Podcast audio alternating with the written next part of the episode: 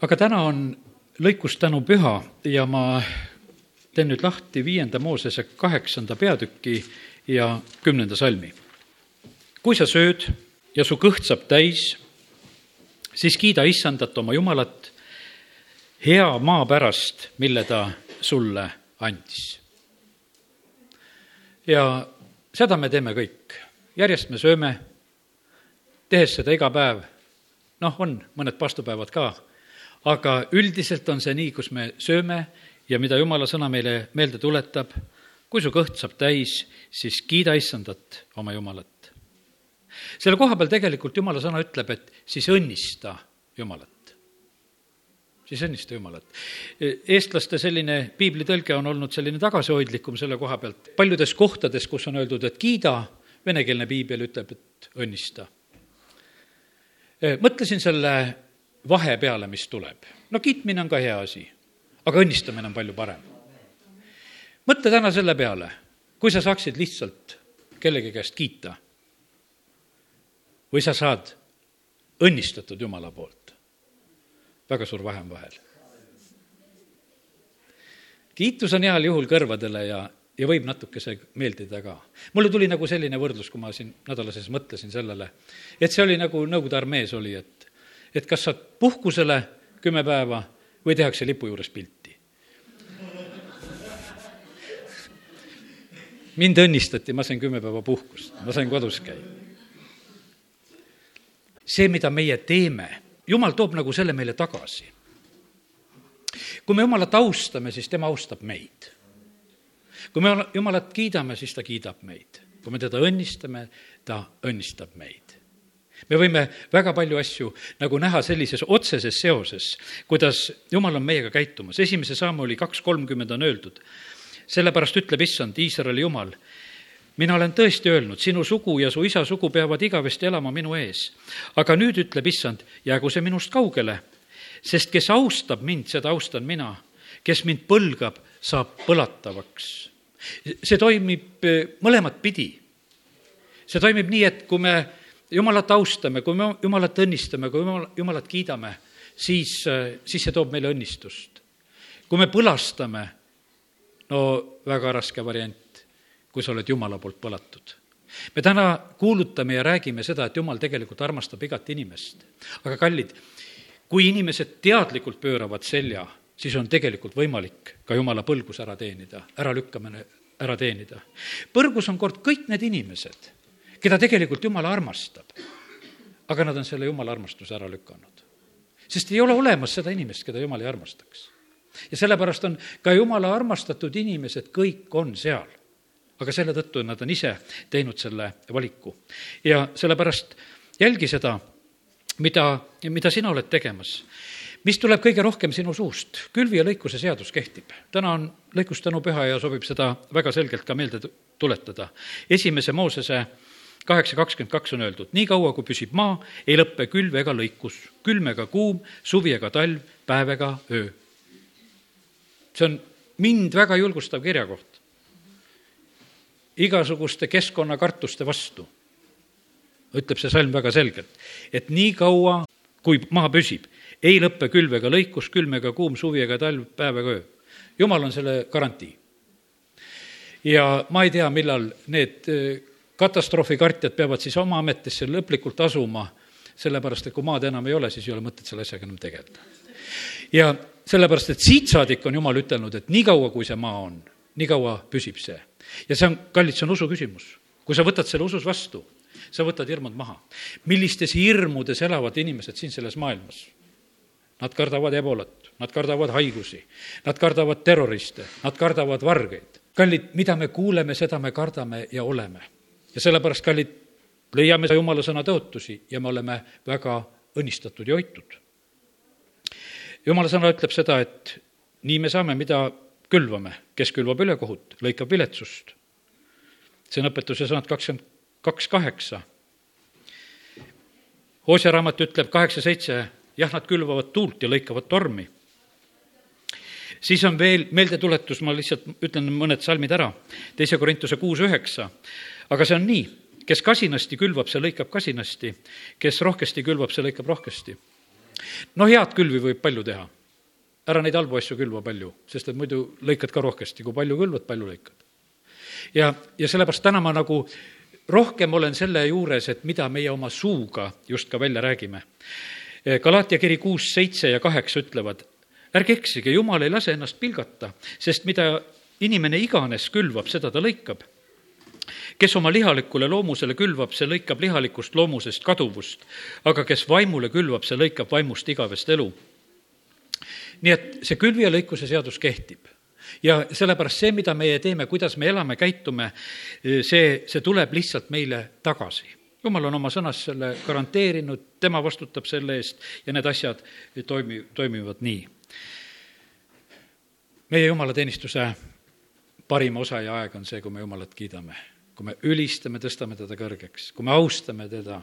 sa garanteerid endale seda, et Jumal austab sind ja sellepärast ära lase ühtegi ülistushetke niimoodi mööda, et sa kaasas ei ole. ole kaasas. see on sinu võimalus, sa tegelikult enda, enda jaoks seda külvad ja teed.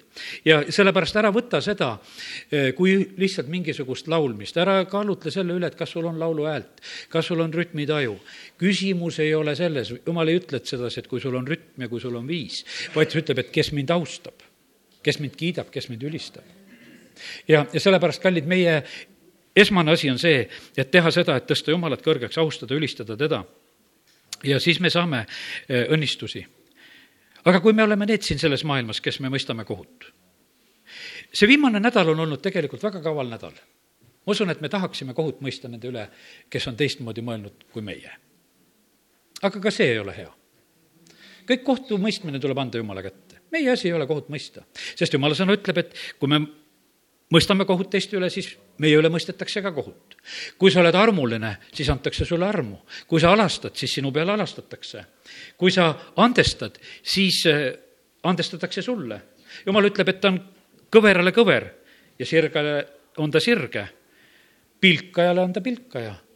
ja seda loetelu võib jätkata seda kõike leiab Jumala sõnast, kuidas Jumal tegelikult on meiega käitumas. ja sellepärast see sõltub nii palju eh, sellest, kuidas meie elame ja käitume ise siin selles maailmas see ei tähenda seda, et ära võta siit, et eh, me ei tohi nagu kellegi üle nagu sellises mõttes nagu eh, kohut mõista, et me mõtleme, et ta tegi valesti.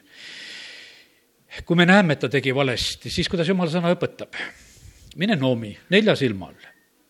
kui ei kuula, võta teine kaasa, nii õpetatakse just eriti ka koguduse keskel no ja siis on võimalus, et tood veel ka koguduse ette. Nendel kõigil asjadel on väga kindlad reeglid. jumala sõna ei kultiveeri mingisugust tagarääkimist. inimestena me teeme sageli väga palju seda.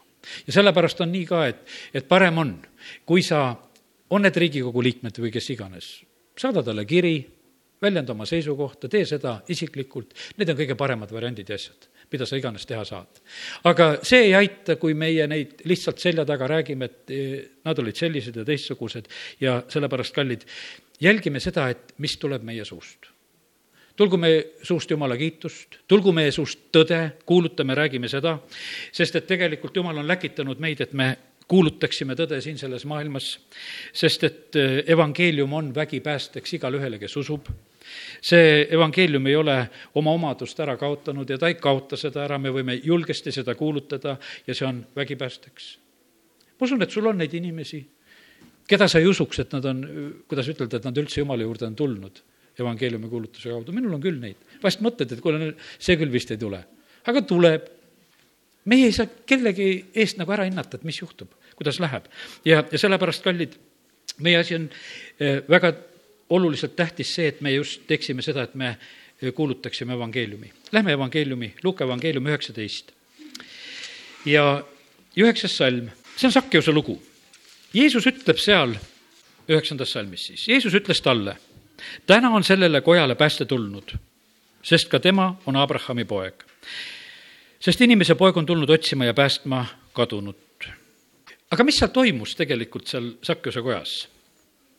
Sakkuse kojas toimus see, üheksateist kaheksa, ta ütleb issanda ette astudes, vaata, poole oma varandusest annan ma vaestele ja kui ma kelleltki midagi olen välja pressinud, annan ma neljakordselt tagasi. ta hakkab korraldama. ta on avatud teiste suhtes ta hakkab korda tegema neid asju. see mees oli kindlasti selline mees, kes oli alguses kõik mulle ja sul pole mitte mingisugust õigust siis saada, saada mitte kui midagi. üks selline eh, varga näide, mis mul on sõjaväest väga meeles, ma mäletan, et üks mees, kes oli sõjaväeosas meil elektrikuks, varastas kõigilt ja kõike ja igalt poolt alati, kus sai. minu saapari, kuhu oli suurelt sügavalt sisse kraabitud peale teekel venekeelsete tähtedega, ta võtab selle ära. ma olen ta ruumis, ma ütlen, kuule, anna mu hari tagasi, et näed, mu nimi on ka siin peal. Ta ütleb, ei anna. ma olen kõik asjad siin varastanud, ma peaks kõik siis tagasi jagama ja ma ei anna sulle ka seda harja tagasi.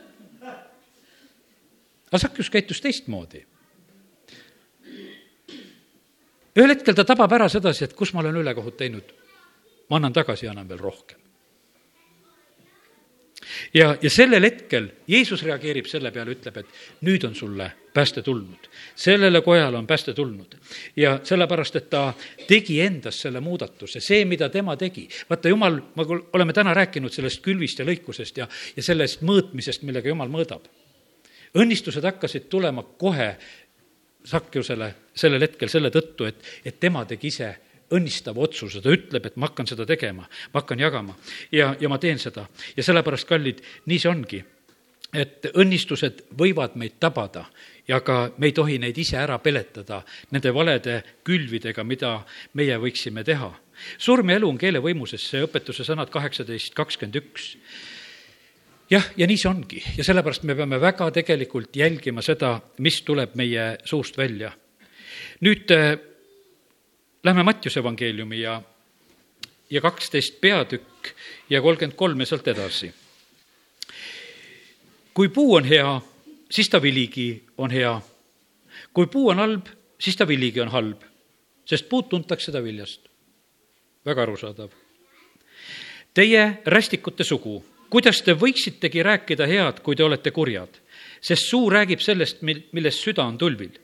Hea inimene võtab heast varamust head ja kuri inimene võtab kurjast varamust kurja. aga ma ütlen teile, et inimesed peavad kohtupäeval aru andma igast tühjast sõnast, mis nad on rääkinud. sest su suusõnadest mõistetakse sind õigeks ja su sõnadest mõistetakse sind süüdi. väga suure tähelepanu Jumal pöörab meie suule ja meie sõnadele. meie inimestena pöörame suuremat tähelepanu tegudele. sageli me ütleme, et ainult ütlesin, aga pane tähele Jumala sõna. Jumala sõna võtab väga tõsiselt selle, eh, mida sina just ka ütled ja mida sa just ka välja räägid. ma lähen tagasi Luuka evangeeliumi üheksateistkümnendasse peatükki ja seal on kakskümmend kaks salm tema ütles talle, sinu enda suu läbi mõistan ma su süüdi, sa halb sulane. Eks sa teadnud, et ma olen vali mees, võtan, mida ma ei ole paigale pannud ja lõikan, mida ma ei ole külvanud. ja see on see tähendamise sõna, kus äh, Jeesus räägib sellest, et äh, kümnele sulasele antakse igale ühele üks nael. Äh, kaks tükki kauplevad, üks saab kümme asemele juurde siis, üks saab viis juurde, siis teine veel. kolmas hoiab järgi sellesama naela, et anda isandale tagasi. ja seitse tükki lasid üldse jalga ja olid üldse kadunud. Aga me näeme seda, et see, kes tuleb selle ühe naelaga ja ütleb, et isand on väga kuri ja halb ja, ja lõikab seda, mida ta pole külvanud. ja me näeme seda, kuidas isand mõistab teda hukka. su, sinu enda suu läbi ma mõistan su süüdi sinu enda suu läbi ma mõistan su süüdi. sellepärast, et jumal on nii õiglane. ta vaatab, et kui meie elus on kohtumõistmine teiste inimeste üle, ta mõtleb, et vot väga tore, tal on mingisugused paragrahvid ja mingisugused kriteeriumid, millega ta siin elus korda loob. jumal ütleb ja väga sobib. ja nüüd sinuga ma käitungi täpselt nende paragrahvide järgi sellepärast, kallid, nii ohtlik teema on see, kui me langeme sellesse, et me hakkame seda tegema, me lükkame õnnistused ära. esimese Mooses üheksa kakskümmend kaks ja seal on Noa pojad peale veeuputust ja seal on Seem, Aam ja Jaafet, need kolm poega. kakskümmend kaks salm ütleb, aga Haam, Kaanani isa, nägi oma isa paljast ihu ja rääkis sellest oma kahele vennale õues siis Seem ja Jahvet võtsid vaiba ja panid enestele õlgadele, läksid tagurpidi ja katsid kinni oma isa palja ihu. Nende näod olid ära pööratud, nõnda et nad oma palja, isa paljast ihu ei näinud. Kui Noa ärkas oma veini uimast ja sai teada, mis, mis ta noorem poeg oli teinud, siis ta ütles, neetud olgu Kaanan. ta saagu oma vendadele sulaste sulaseks. ja ta ütles veel, kiidetud olgu issand Seemi jumal ja Kaanan olgu tema sulane. milles on nüüd lugu? Eesti rahvana, kes me käime saunas, ma ütlen, et ikka mehed käige meeste saunas ja naised käige naiste saunas ja, ja usu, et sa oled mees ja usu, et sa oled naine ja nende asjade juurde jääme. Ja, ja sellepärast see võib tunduda selline lugu, et noh, mis siis ikkagi, et poeg, isa on purjus ja, ja leiab sellises olukorras. aga kallid, siin on nagu, võta üks teine asi. kui sina saad oma õe või venna patu teada, ära ole see paljastaja. vaata, see, siis sa tõmbad selle kohtu enda peale me vahest teeme seda palvekoosolekul, et nagu umbes, et tead, eestpalvesoov ja saan ka veel välja rääkida. oleme väga ettevaatlikud nendes asjades. Sest jumal ei anna ennast pilgata. ta, me näeme seda, et, et milliselt tegelikult on selline õnnistuse kaotus. ja, ja sellepärast, kui mingil põhjusel kellegi viga meie ees paljastub, siis on see meie eesõigus, et me palvetaksime, et me kataksime kinni. kuidas Uus Testament õpetab, ütleb, armastus katab kinni pattude hulga. Ja, ja sellepärast meie keegi ei ole eksimatud. ma usun seda, et meil igalühel on elus neid momente, kus meil on olnud väga meeldiv, kui meile on andestatud, kui me oleme eksinud ja kui keegi on seda näinud ja täiesti aru saanud ja kui ta ei kella seda ja, ja ei tõsta esile, vaid katab seda kinni, teate, kui meeldiv see on ja teeme seda meeldivalt teistele ka. see ei tähenda seda, et me oleme patu poolt või, või midagi taolist. ma mõtlesin selle peale teistpidi veel kuidas on kas või meie riigi selline, ütleme, seadus selle koha pealt, et kui sa ei pea oma lähedaste vastu olema tunnistaja kohtus, sa ei pea, loe põhiseadust, põhiseaduse õigus on see, et sa ei pea tunnistama oma lähedaste peale ja ka iseenda peale. sa ei pea tunnistajaks olema. teised peavad sinu süü ära tõestama, aga sina ei pea ja sellepärast, kallid, jumala koguduses oleme me kõik lähedased. me oleme õed ja vennad ja meie ei pea üksteise peale olema kaebajad, pealekaebajad. Me sellepärast, kallid, eh, tänane selline sõnum, eh, jäta see meelde ja sellepärast me oleme selle läbi tegelikult väga, väga õnnistatud, kui me teeme seda. see ei ole paturingkaitse see ei ole mitte seda, ma ei õpeta täna mitte seda, et kuule, et, et kui vend ja õde teeb pattu, et kaitseme ja peidame seda. ei, me räägime sellest, et meie ei tõmba seda välja me ei tee seda ammugi mitte maailma ees. Ja me teeme, ei tee seda ka mitte koguduse ees, es-, esmalt, nagu täna juba ütlesin, käib see asi, kui me läheme eh, ja räägime konkreetse inimesega, keda see puudutab. Ja siis saab see asi olla õnnistuseks. jumala sõna ütleb, et et vanema vastu võetud kaebust, kes on koguduses positsioonides, seal on vaja veel kaks-kolm tunnistajat, milleks see kõik on tegelikult tehtud? et kaitsta jumala kogudust keelepeksu, laimu ja, ja valede eest milles on küsimus? sellepärast, et see teine pool, ma räägin praegu Kristuse kogudusest ja ütleme sellest poolest, kurat on laimaja, kurat on valede isa. ja vaata, sa võid nii kergesti saada selleks tööriistaks jumala sõna ütleb, et ära anna oma ihuliikmeid kuradile relvaks. sa mõtled, kuidas ma seda annan? sa annad lihtsalt oma keelega võib-olla. see on mingi vale jutt, mida sa edasi levitad, mida sa räägid. ja, ja sa oledki osutunud selleks tööriistaks. ja sellepärast aidaku meid, Jumal, et, et meie ei teeks neid külve. täna on lõikuse tänupüha me täname Jumalat selle eest, mida Jumal annab meile meie aedadel, põldudel ja mida ta annab meile nii, et mida meie üldse ise pole külvanud, vaid Jumal on lasknud metsas kasvada ja mis iganes, kiitus Jumalale kõige selle eest. aga täna jälgime seda, et millise külviga meie ise tegeleme. kas me külvame õnnistusi või, või külvame õnnetust. ja sellepärast aidaku meid Jumal, et me oskaksime nagu ära märgata neid asju. jumala sõna ütleb isegi seda ka, et äh, ärgu olgu sul rõõmu sellest, kui vihamehel läheb halvasti. see on ka nii kerge tulema. see on nii kerge tulema vahest, et nii läkski. Sellepärast täna, kui ma algasin seda juttu ja ma tõin, tõin siin mõned näited, selles ei ole mitte mingisugust rõõmu. selles on suur kurbus.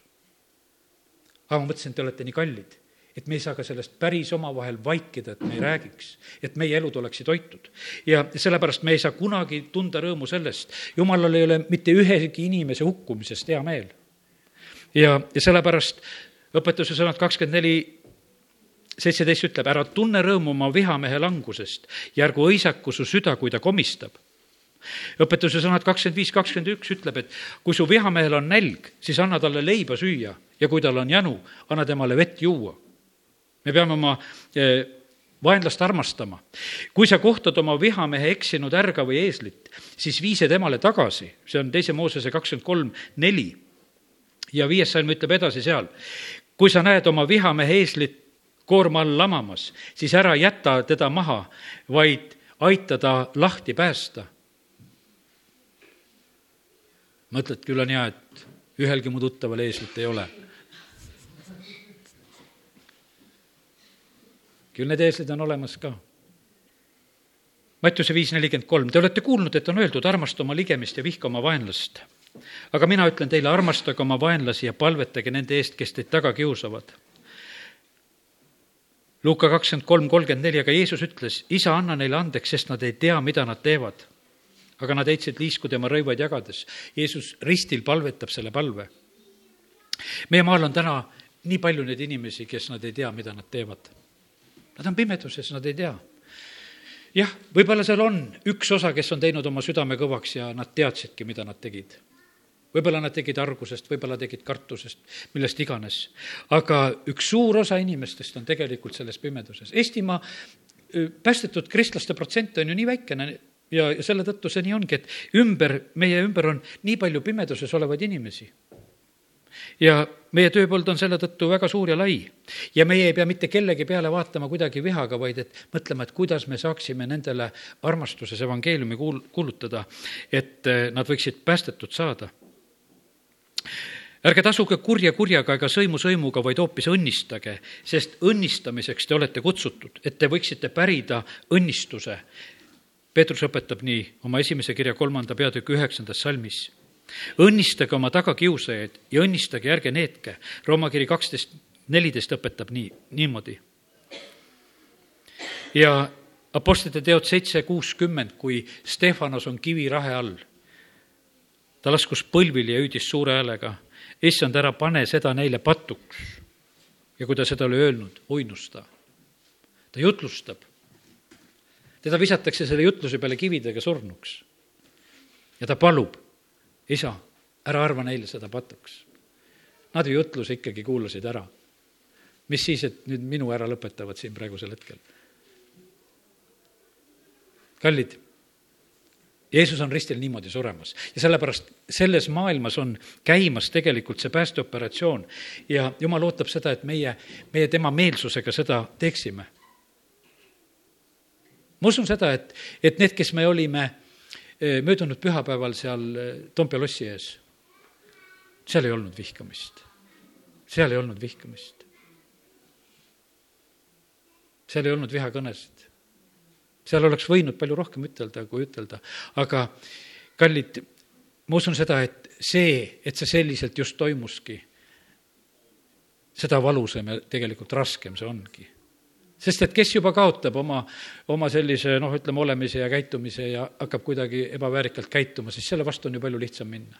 aga nii kaua, kui sa püsid väärikana, on sind tegelikult väga raske nagu võitagi. ja sellepärast aga issand ootab seda, et meie oleksime need, kes me just käituksime siin selles maailmas nii väärikalt ja püsiksime sellel õigel teel. Eh, lõpetan tänase hommiku mõtted, lähen õpetuse sõnade esimesse, teise peatükki. ja küsimus on nagu selles, meil on väga tähtis, et me hoiaksime õiget rada. jumal on see, kes tegelikult tahab meile näidata õiget teed. ja ütlen veel kord, et nii Alfa kui piiblikool ja sain nagu eriliselt südamesse, et see on, jumal, praegusel hetkel sinu pakkumine ja suur võimalus meile, et me võiksime õiget teed teada ja tunda ja, ja kasutame neid võimalusi. sest et eh, selle tee tundmine on niivõrd tähtis. õpetuse sõna, siis esimene, teine peatükk, vaatame neid salme. siin on mitmed asjad, mis räägivad just nagu sellest, eh, kuidas meie teed võivad olla. ja ja jumal on see, kes tahab õpetada meile lausa sellist õiget teed, nagu psalm kakskümmend kolm ütleb, et, et seal on need õiguse rööpad. see tuleb, ütleme, sellel ajal ei olnud raudteed ja ronge, aga seal olid need vankrirataste jäljed, need rööpad olid sees.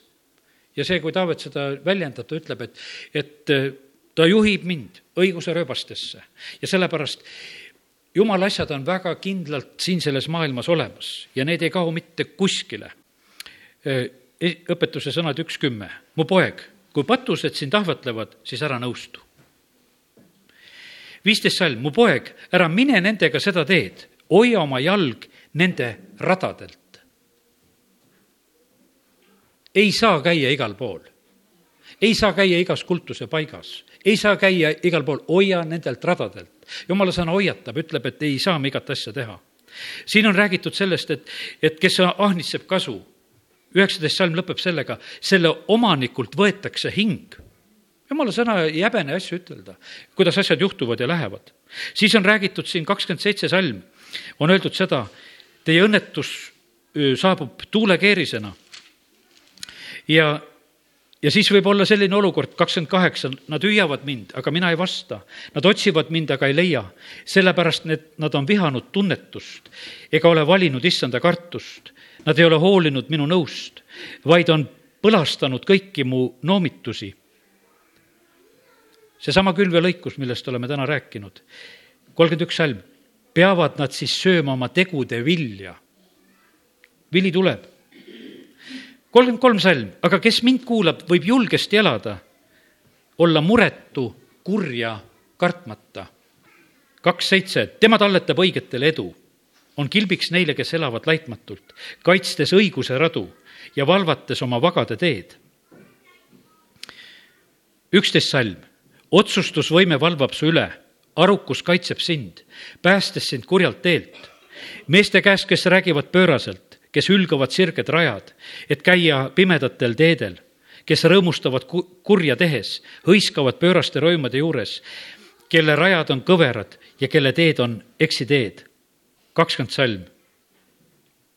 see on siis selleks, et sa võiksid käia heade teel ja hoida õigete radu. sest õiglased tohivad elada maa peal ja vagad sinna järele jääda, aga õelad hävitatakse maa pealt ja truuduse murdjad pühitakse ära. neli kaheksateist, see on õigetele väga võimas salm. aga õigete rada on otse kui valguse paistus, mis muutub üha selgemaks, kuni päev on saabunud. ja sellepärast me oleme selles ajas, kus õigete jaoks läheb, asjad lähevad selgemaks. Danieli raamat ütleb, et, et ilmutus lõpuaegades suureneb. meie arusaamine, meie selline kindlus asjades suureneb ja kasvab ja sellepärast me peame olema selles ootuses ja, ja nii nagu täna algasin, ütlesin seda ka, et, et, et olgu meis muutust. ma täna hommikul ärkasin, ma rõõmustasin selle üle, et, et jumal, et ma tunnen veel oma vigu ja puudusi. ja siis sain rõõmsaks, mõtlesin, kiitus Jumalale, et aga et ma saan ju nendest siis meelt parandada, see on minu võimalus. küll on hea, et sa mulle veel näitad kui ma oleksin saanud selliseks, et ei eksi, ei juhtu mitte kui midagi, panen aga ainult õigelt, no väga kurb koht tegelikult oleks. me oleme sellel meeleuuenduse teel, me oleme taeva poole sättimas, see on väga suur eesmärk, mille, mille poole me liigume. ja, ja sellepärast ma usun, et Jumal on suure armastusega eh, meid aitamas kõiges selles. Jumal on sillutamas õigete radu. Eh, õpetuse sõnad viisteist, üheksateist on öeldud seda, et laisa tee on nagu kibuvitsa ekk aga õigete rada on sillutatud õigete rada on sile ja sellepärast Jumal ise korraldab ja teeb neid asju. ja aidaku meid Jumal, et, et nüüd me oleme täna siin Jumala kojas. ja, ja see ei puuduta ainult mitte, mitte seda, et me oleme siin.